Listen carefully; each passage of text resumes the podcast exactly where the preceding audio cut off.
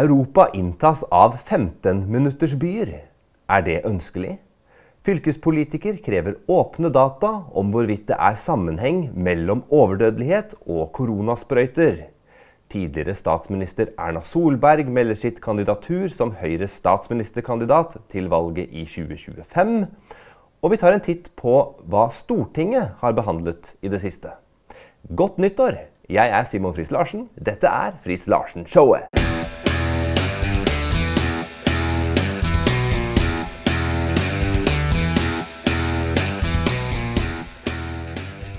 Har du hørt om 15-minuttersbyer?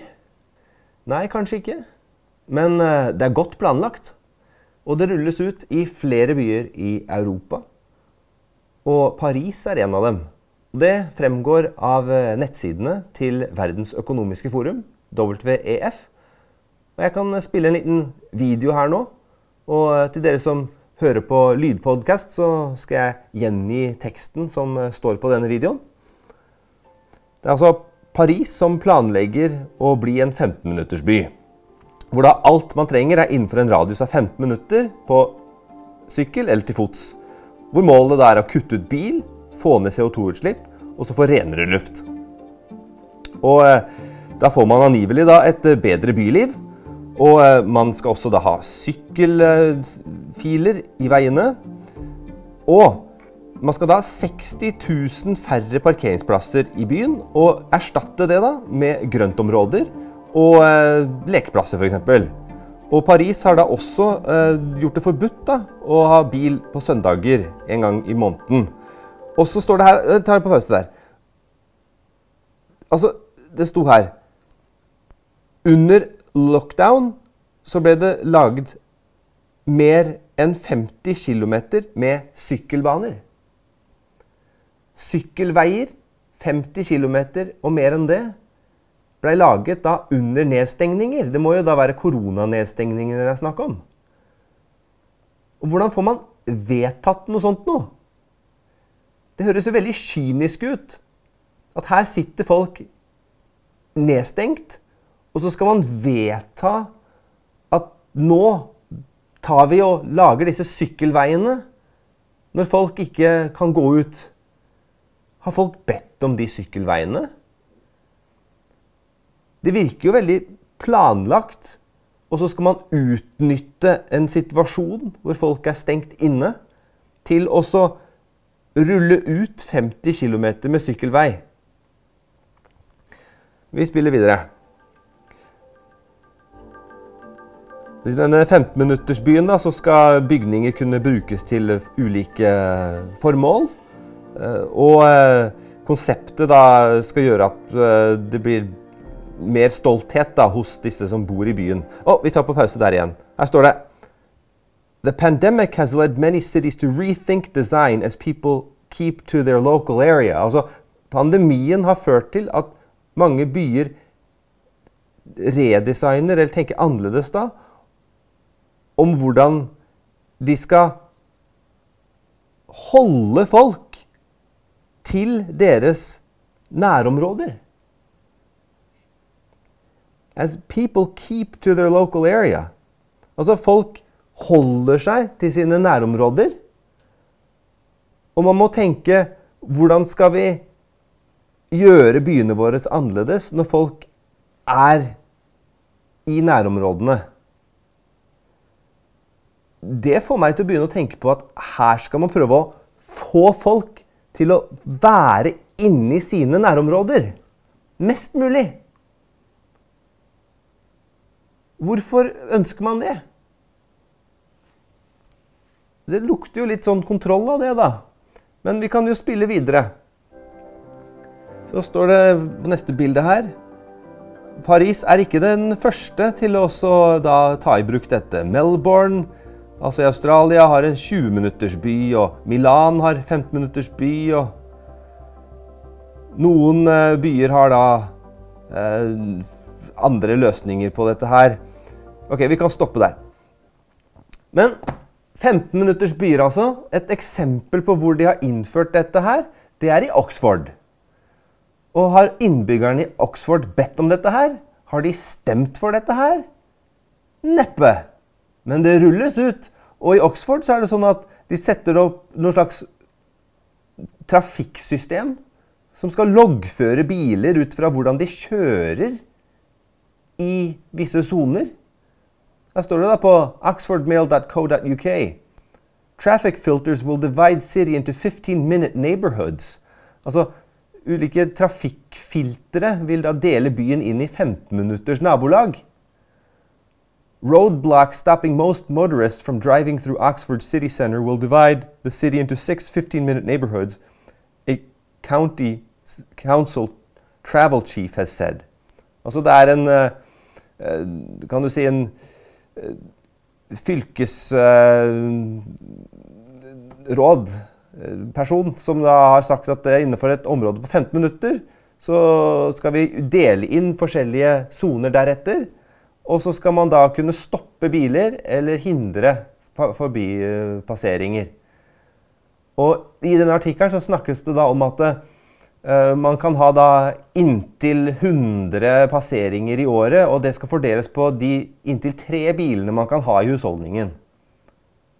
Altså, dette er detaljstyring ned på detaljnivå. altså i menneskers liv. Inngripen i menneskers frihet. Og så skal man da få folk inn i disse 15-minuttersbyene.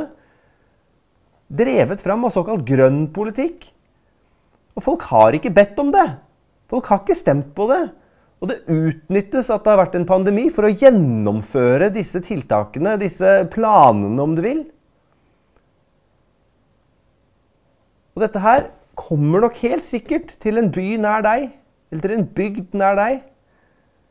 Vil vi ha det?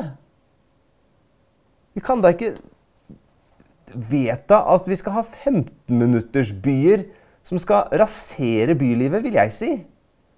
Du får jo butikkdød. Ja, men vi skal ha folk innafor disse nærområdene. Ja, men da holder du jo folk samla innafor der, da. Hvorfor skal man det? Jo, for da har man kontroll på folk, hvor de er til enhver tid, hva de kjøper, hvor de går. Og så vil EU ha deg til å spise insekter, og så skal de ha deg til å ikke kunne ha eh, jobb osv. på normalt vis. For nå er prisene så høye at nei, da skal det bli vanskelig, og du blir mer og mer avhengig av stat. Og da blir du mer og mer snevra inn i din lille 15-minutters by og der skal du være og spise insekter og høre på hva vi sier. Og du er så fanga i det systemet at du, hvis du opponerer, da, så er du en fare for samfunnet, angivelig.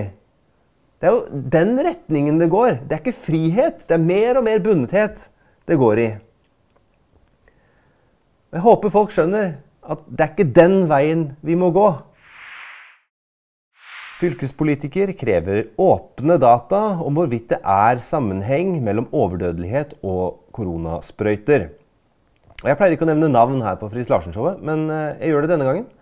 Det er eh, fylkespolitiker i Rogaland Susanne Hart som eh, først holdt et innlegg, en interpellasjon med forslag, i fylkestinget her før jul. Hvor hun da tok opp dette med vaksinesikkerhet og at det skulle bli tatt opp på Stortinget til debatt. Og det forslaget ble nedstemt. Det var hun som stemte for, og 60, unnskyld, 46 andre som stemte imot. Så altså én mot 46 på at Stortinget skulle ta opp til debatt dette her med vaksinenes sikkerhet, eller mangel på sådan. Og hun blei møtt med hån, hun blei møtt med å bli kalt konspirasjonsteoretiker. Mens det hun gjorde, var å legge frem reelle historier, altså anekdotiske bevis, på at det er en sammenheng mellom da sprøytene og bivirkninger som da har medført at folk har fått livene sine funksjonelt ødelagt. Og eh, tok også opp dette her med sikkerheten generelt. Viste til ledende forskning på området men blei bare avvist. Og en som har delt videoen hennes eh, av innlegget, uh, det er eh, en kjent fagperson, Asim Maholtra. Og denne videoen har da blitt vist 168 000 ganger. Og det er veldig mange ganger. for en eh, fylkespolitiker å være. En lokalpolitiker fra Norge. Men det er jo ikke dermed sant, sagt at det hun sier, er sant. Fordi om det er blitt vist 168 000 ganger. Men det er ikke det det handler om. Det det handler om, er at når hun legger frem disse bevisene, når hun legger frem forskningen og vil ha det til debatt på Stortinget, så er det jo ombudspersoners rolle å ta det opp og se på om det virkelig er tilfellet. Ikke bare avvise det sånn helt uten videre, kalle det konspirasjonsteori og sånn, uten faktisk å gå inn i det som blir sagt. Man kan vise til det som har blitt sagt av departementet osv. tidligere. Men det hjelper jo ikke når den nyeste, fremste forskningen tyder på noe annet. Og Det er jo det det her handler om. Å se på Er det en sammenheng der, da? Mellom sikkerheten, at den ikke nødvendigvis er så god som først antatt. Det er det saken handler om. Å vurdere det i lys av de titalls tusener registrerte bivirkninger vi vet om, og de ufattelig mange anekdotiske bevisene vi har på mennesker som da faktisk lider nå. Og dette her blir bare avvist. Vel, nå er det en annen sak, og det er jo det at det er overdødelighet. Og nå ønsker jo samme fylkespolitiker å se på hvorvidt det er sammenheng mellom overdødelighet og koronasprøytene. Og hvis vi ser på en uh, artikkel som står i Hemali, så vises det til uh, en professor som har sett på uh, grafer og da tallmateriale som indikerer at det er en sammenheng mellom Eller at det i hvert fall kan være en sammenheng mellom overdødeligheten og sprøytene. Og I stedet for å lese fra den artikkelen, så skal jeg lese det som Susanne Hart har lagt ut. Hun sier vi krever åpne data. Befolkningen har krav på fullt innsyn i dybdedata fra myndighetene. Disse signalene som her presenteres, har blitt gjort på frivillig basis. Det, ikke, det bør ikke være nødvendig i 2023. Nå må myndighetene komme på banen med full åpenhet rundt data, slik at hvem som helst av oss selv kan sette seg inn i situasjonen. Transparens er det eneste som tar bort spekulasjon om konspirasjonsteoriene.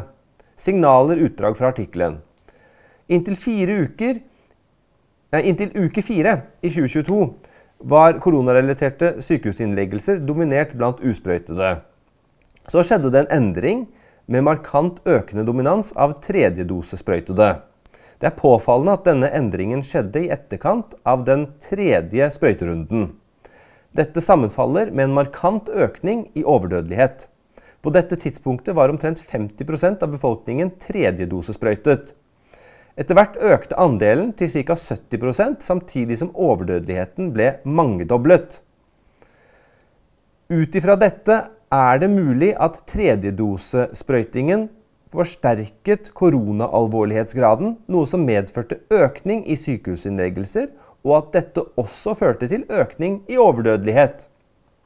Dette er i så fall i god overensstemmelse med mye av det som sies fra utlandet. Dyptpløyende statistikk, informasjon for Norge fra helsemyndighetene som er egnet for å belyse dette temaet ytterligere, er etter hva jeg kjenner til, ikke offentlig tilgjengelig, eventuelt vanskelig tilgjengelig. Professor Jarle Arstad ved Høgskolen på Vestlandet har vurdert grafene. Dette er hans kommentar. Grafene kan absolutt indikere at sprøyter kan være en årsak til overdødelighet, men vi kan vanskelig fastslå kausalitet. Eller kausalitet, da, altså årsak-virkning. Det er jo en sånn typisk setning som man må da sette på slutten for å da kunne uh, være litt på den sikre siden her, for å ikke påstå for mye. Men altså dette her Hvorfor skal man ikke se på det?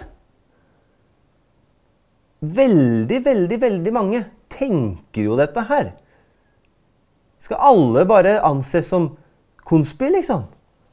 Ha, altså Konspi kan man snakke om hvis man snakker om plandemi og dette her med at å, det er planlagt og sånn og sånn. Ja, ok, noen tenker sånn.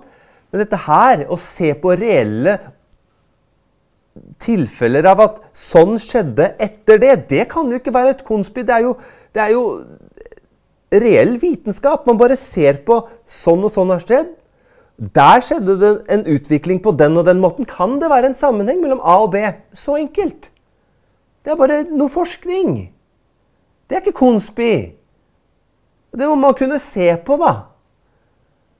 Men altså, det vil ikke de på Stortinget gjøre, vet du, for de har jo alt å tape på det. Ingen har noe å tjene på det.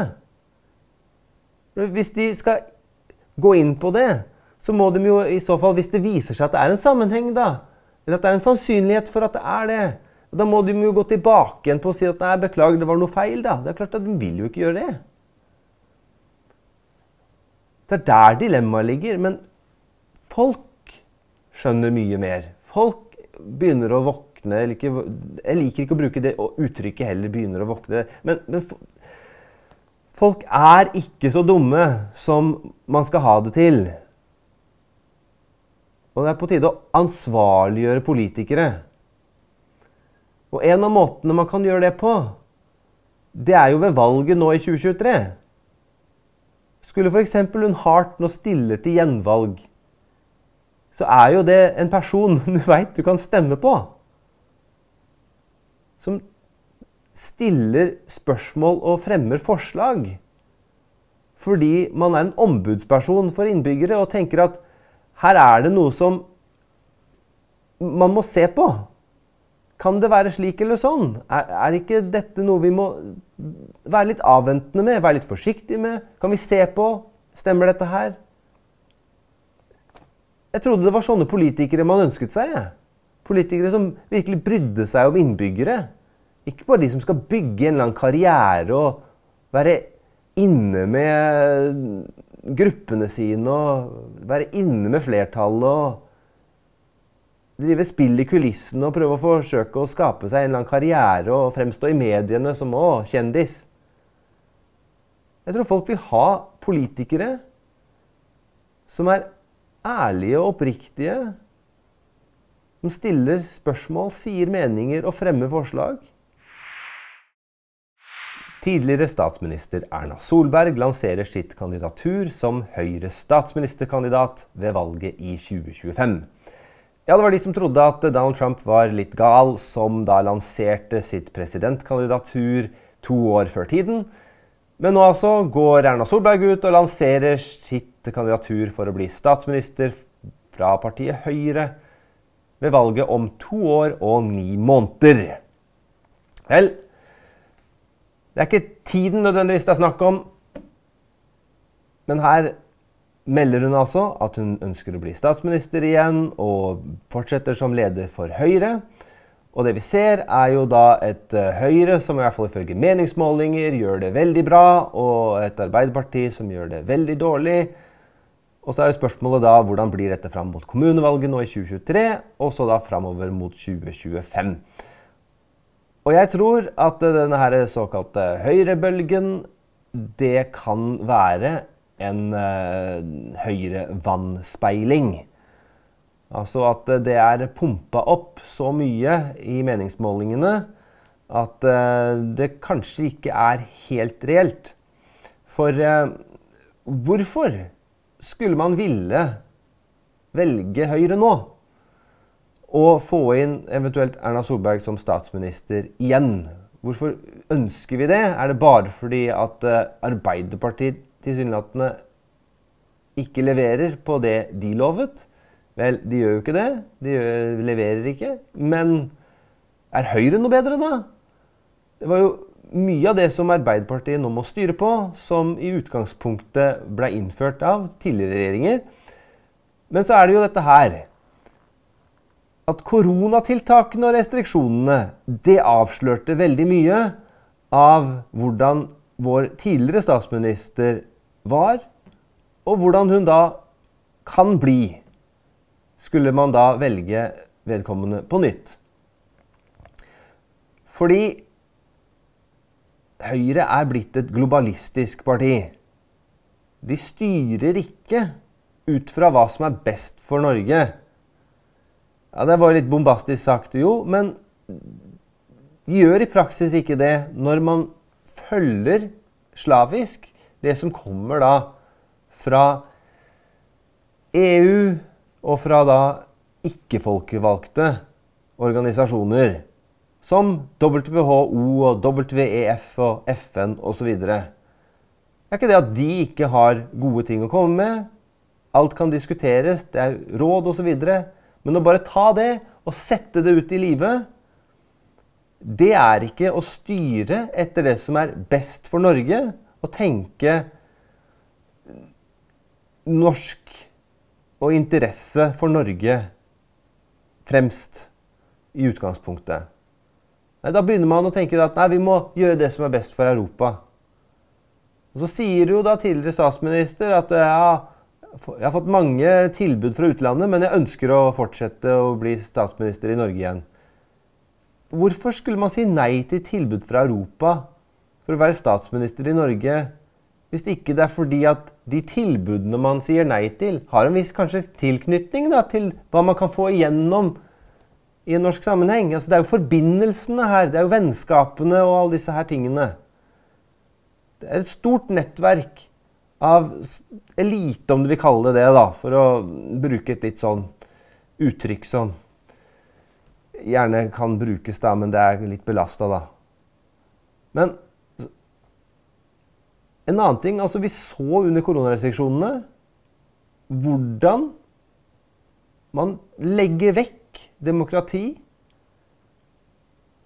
Vi ser her et bilde her eh, satt sammen av Hemali.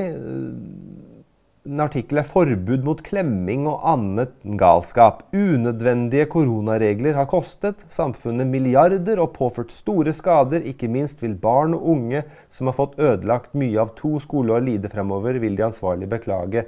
Men her er bildet. Der står det Erna Solberg om koronapass. Jeg tror jeg bare skjærer igjennom og så, jeg se, og så sier jeg Når det er klart, og vi kan bruke det, så kommer vi til å bruke det.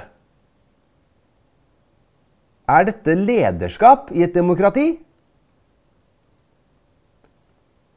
Her var vi i en situasjon hvor først så ble vi bedt om å ha to uker dugnad for å få ned en smittekurve. Og de to ukene ble til over to år med nedstenginger. Og hvor man skulle sitte og vente på en slags frelse i en uh, sprøyte. Og så kom den, og så trodde man at det var løsningen.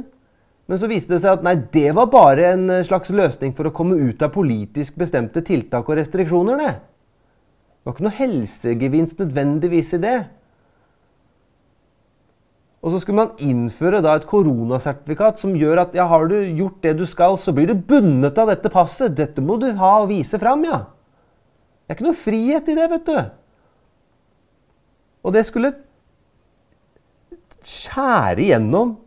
Og så sier jeg, altså statsminister, når det er klart og vi kan bruke det, så kommer vi til å bruke det.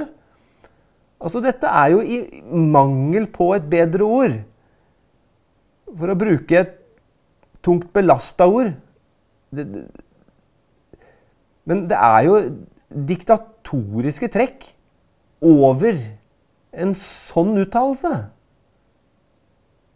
Dette skal vi ikke diskutere engang. Dette skal vi ikke orientere Stortinget om. Dette skal vi ikke ha en uh, undersøkelse på. Nei, Når det er klart, så bare sier jeg sånn gjør vi det. Det er ikke lederskap. Selv i en krisesituasjon så er ikke det lederskap.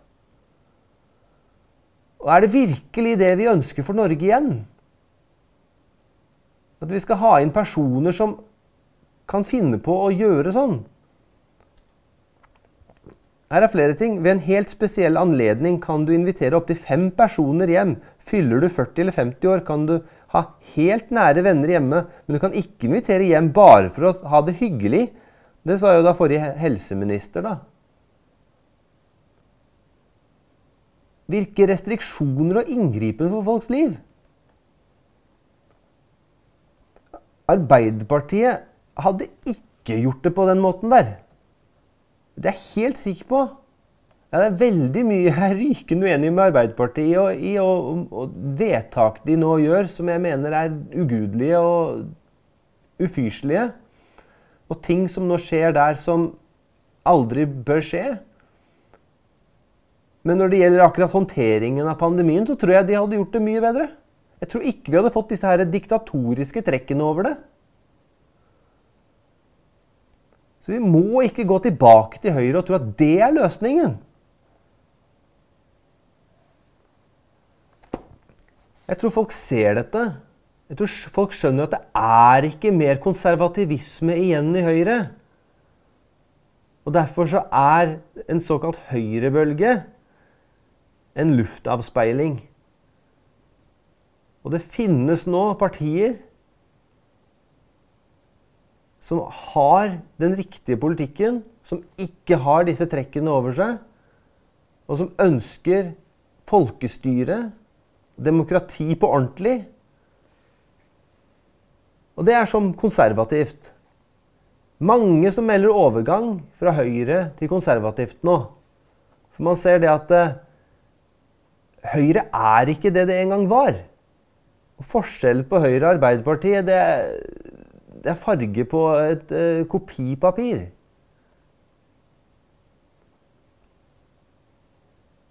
Så ja, hun kan gjerne lansere mm, stortings... Uh, altså statsministerkandidatur. Men det er lenge igjen til det valget der. Og der, imellom der kan det skje mye. Det kan bli nye partier. Konservativt kan bli valgt. Det kan bli veldig mye som skjer. Stortinget er tilbake etter juleferie, og eh, mens det pågår en krig i Europa, og eh, strømprisene er rekordhøye, renter er på vei opp, og nå også matprisene som skal gå opp. Ja, hva er det Stortinget finner ut at eh, de skal bedrive dagene med? Jo, det kan vi jo se på Stortingets Twitter-side. For der står det 'forslag om en tredje juridisk kjønnskategori' og et styrket og desentralisert behandlingstilbud for personer med kjønnsinkongruens, samt en interpellasjon om hets og trakassering i det offentlige debatten, er blant sakene på programmet i Stortinget første uken. Så ikke noe snakk om å gjøre tiltak som gjør at vi får ned strømprisene, f.eks. å kutte en kabel til Europa ikke noe spørsmål om hvordan vi kan få ned matprisene. F.eks. ved at eh, det ikke er så dyrt lenger for da butikkene å eh, drifte. Eller hvordan man skal forhindre konkurser. Nå som eh, veldig mange bedrifter sliter med økte utgifter og renter og med strømpriser og drivstoffpriser og dette. Nei, nei, nei, det er ikke så viktig. Nei, for Stortinget vet du, de skal bare innvilge støttepakker, de. Ja. Nei, nei, legg ned. Du eh, blir konkurs. Det blir høye matpriser. Men staten skal redde deg med støttepakker. Folk blir mer og mer avhengig av staten. Og så blir man stuck. Og det syns de er flott å gjøre, fordi da, vet du, da har de kontrollen. Og så etter hvert så kan det jo bli systemer som gjør at hvis du opponerer mot den kontrollen der, da, vet du, nei, da, da blir det enda verre for deg. Og så har du ikke noe utskiftning. Ingen mulighet for gjenvalg. Nye politikere øh, og partier som prøver seg, blir øh, billedlig talt skutt ned. Fordi at nei, du, Hvis ikke du er en del av systemet, så skal du heller ikke fortjene å få plass til å kunne opponere mot det. Så her skal man altså da ha Tredje juridisk kjønnskategori. Ja. Han, hun og hva for noe? Hm. Ja, ja. Og så skal man ha desentralisert behandlingstilbud for personer med kjønnsinkongruens. Altså man skal transe barna. Altså det skal bli lettere for uh, barn som uh, har blitt uh, påvirka til å kjenne på et ubehag om uh, en tilstand hvor kanskje de begynner å tro at det er noe som ikke er i overenkomst mellom uh, utstyret man har, og hva man føler. Ja, da skal man gjøre det lettere da, for å få behandling for det da, der du bor. Skal ikke behøve reise til Rikshospitalet. Så da er du liksom full gang med pubertetsblokkere og på en uh, samlebånd Et samlebånd fram mot da kjønnskorrigerende såkalt behandling, som egentlig bare er et annet uh, finere ord for eh, lemlestelse, om du vil. ja, det er jo kanskje litt å ta i, vel, men er det ikke det, da? Når man kapper av utstyret til en gutt og gjør det om til noe annet som er en slags kopi av det jenter har. Eller at man tar eh, overarmshud fra armen til ei jente og så lager en eller annen slags eh, utvendig lignende sak som man skal bære i skrittet. For ikke snakke om at man da blir eh, steril, får ikke mulighet for å få barn senere. Nei, dette, det, dette, er liksom det Stortinget finner på å behandle nå, da. Mens det er krig i Europa, og matpriser går opp, og strømpriser er der, og kontrollen over oss begynner å stramme seg inn, og nei, 15 minutters byer og sånn eh, er det som WF snakker om, og det, det er der vi er. Jepp.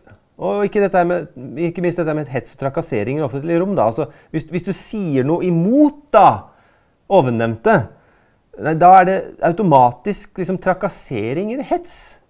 Men det er jo ikke det, hvis man bare sier at det, det er feil. Og dette sier da biologien, og, og, vi har forskning på dette som sier at sånn er det. Og dette med gutt og jente og sånn. Og, og ja Så nei. Hets og trakassering. Man skal liksom ta de som da har normale, sunne, fornuftige synspunkter. Og det skal være med på å stilne det store flertallet fra å komme med de synspunktene. Så det skal være eh, små grupper som skal dominere over da, det store flertallet. Fordi at man har styrken man former lovverket som man ønsker å ha det, og så skal man da straffe, eller ta i anførselstegn, de da som mener det vi mente for fem minutter siden.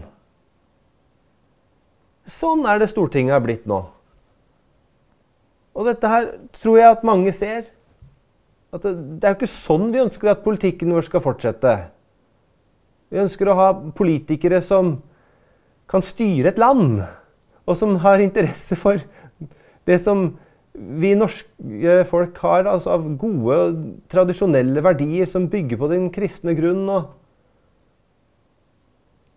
Ikke denne globaliseringen fra Europa og alt dette. Nei, vi ønsker det beste for landet vårt og for folkene våre, å hjelpe alle. Å være et fyrtårn for resten av verden i. Ja, vi er et grønt land, vi. Vi har vannkraft, vi. Ja, se til oss. Se hvor grønt og fint vi har det, da. Landet med fjell og fjorder. Finnes ikke renere vann, finnes ikke renere luft. Kom og gjør som oss. Ja, ja, Man kan ikke akkurat gjøre om et landområde, da, men iallfall se. Og det vi har av rikdom, det skal vi dele med dere. vet du. Vi har olje, vi har gass. Vi skal bare hjelpe til å, å få næring og virksomhet i vårt eget land, sånn at folk ikke blir så avhengige av staten. Og så overskuddet. Vi skal hjelpe dere å komme i gang der dere er, og få gjort det vi kan med teknologiutvikling. Og er det ikke sånn det skal være? Eller skal det være sånn at vi skal ha et storting, enten det er Høyre eller Arbeiderpartiet som eh, er liksom de store som skal drive her, eller alle de andre som bare er der på slep? Som bare skal ta føringer fra EU og FN og WHO og WF og disse her overnasjonale, ikke-folkevalgte organene og skal styre og presse inn. Og så blir disse kommunestyrene og sånn, de blir bare sånn her forlengede armer av disse her sentrale maktene. Nei, man må si stopp til dette nå. Man må velge nye politikere. Og det, det er løsningen nå. Og i 2023 så har vi nå muligheten til det. Til slutt så avslutter jeg med noe bibelsk, noe teologisk eller apologetisk. Og det ble nylig kjent at uh, den tidligere paven Benedikt den 16. døde. Og Det er mye jeg kunne sagt om uh, katolsk teologi, og uh, at den ikke stemmer overens med det Gud ord sier osv. Men det får kanskje bli en annen gang. Men uansett så har pave Bendikt et sitat som er sant. Og det er gjengitt på en Twitter-profil som er en slags hyllestprofil til han. Uh, og det står Freedom is not an opting out, it is an opting in, a participation in being itself. Hence, authentic freedom can never be attained by turning away from God. Such a choice would ultimately disregard the very truth we need in order to understand ourselves. Så jeg skal oversette det til norsk. da, altså Frihet er ikke en avmelding. Det er en påmelding. En deltakelse i selve det å være. Derfor kan autentisk frihet aldri oppnås ved å vende seg bort fra Gud. Et slikt valg vil til slutt se bort fra selve sannheten vi trenger for å forstå oss selv. Og dette er helt riktig, fordi at frihet det er jo noe som vi er blitt gitt. Vi er skapt i Guds bilde. Gud er fri, og han har gitt oss en viss frihet. Vi kan aldri velge bort frihet. Vi har ikke frihet til å velge bort frihet. Frihet er noe vi er påmeldt. Det er en del av oss, en del av vår værende eller vårt vesen, det å være. Og siden dette er gitt fra Gud, så er jo da forutsetningen og utgangspunktet for frihet Gud selv. Og Derfor så vil det også skulle kunne oppnå, eller ikke oppnå, men kunne ha da autentisk frihet. Ikke oppnås ved å vende seg bort fra Gud. Altså Hvis man vender seg bort fra Gud, så går man jo imot ens egen vesen. Fordi vi er skapt i Guds bilde. Så man går ikke bare bort fra Gud, man går også bort fra seg selv. For den friheten som vi da har fått av Gud, den bruker vi da mot Gud, og dermed også mot oss selv. Så da vil vi til slutt se bort fra selve sannheten vi trenger for å forstå oss selv. For hvis vi da ikke venner oss til Gud, så vil vi heller ikke forstå hvem vi er. Hvis vi vender oss bort fra Gud, så faller også forståelsen av oss selv bort. Så den friheten vi har, den er kobla til Gud, for det er Han som har gitt den til oss. Vender vi oss bort fra Gud, så vender vi oss jo bort fra sannheten, og da vil vi heller ikke kunne forstå oss selv. Så det var veldig bra. Fint sitat der av pave Benedikt den 16. Jeg er Simon Friis Larsen. Dette er Friis Larsen-showet.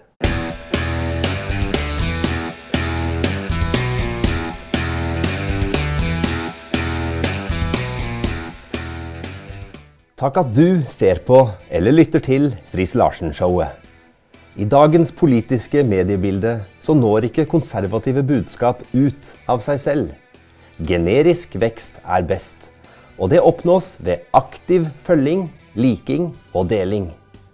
Hvis du setter pris på Friis Larsen-showet, så benytt abonner-knappen på YouTube, følg-knappen på Spotify, og følg gjerne Simon Friis Larsen, kristen politiker, på Facebook.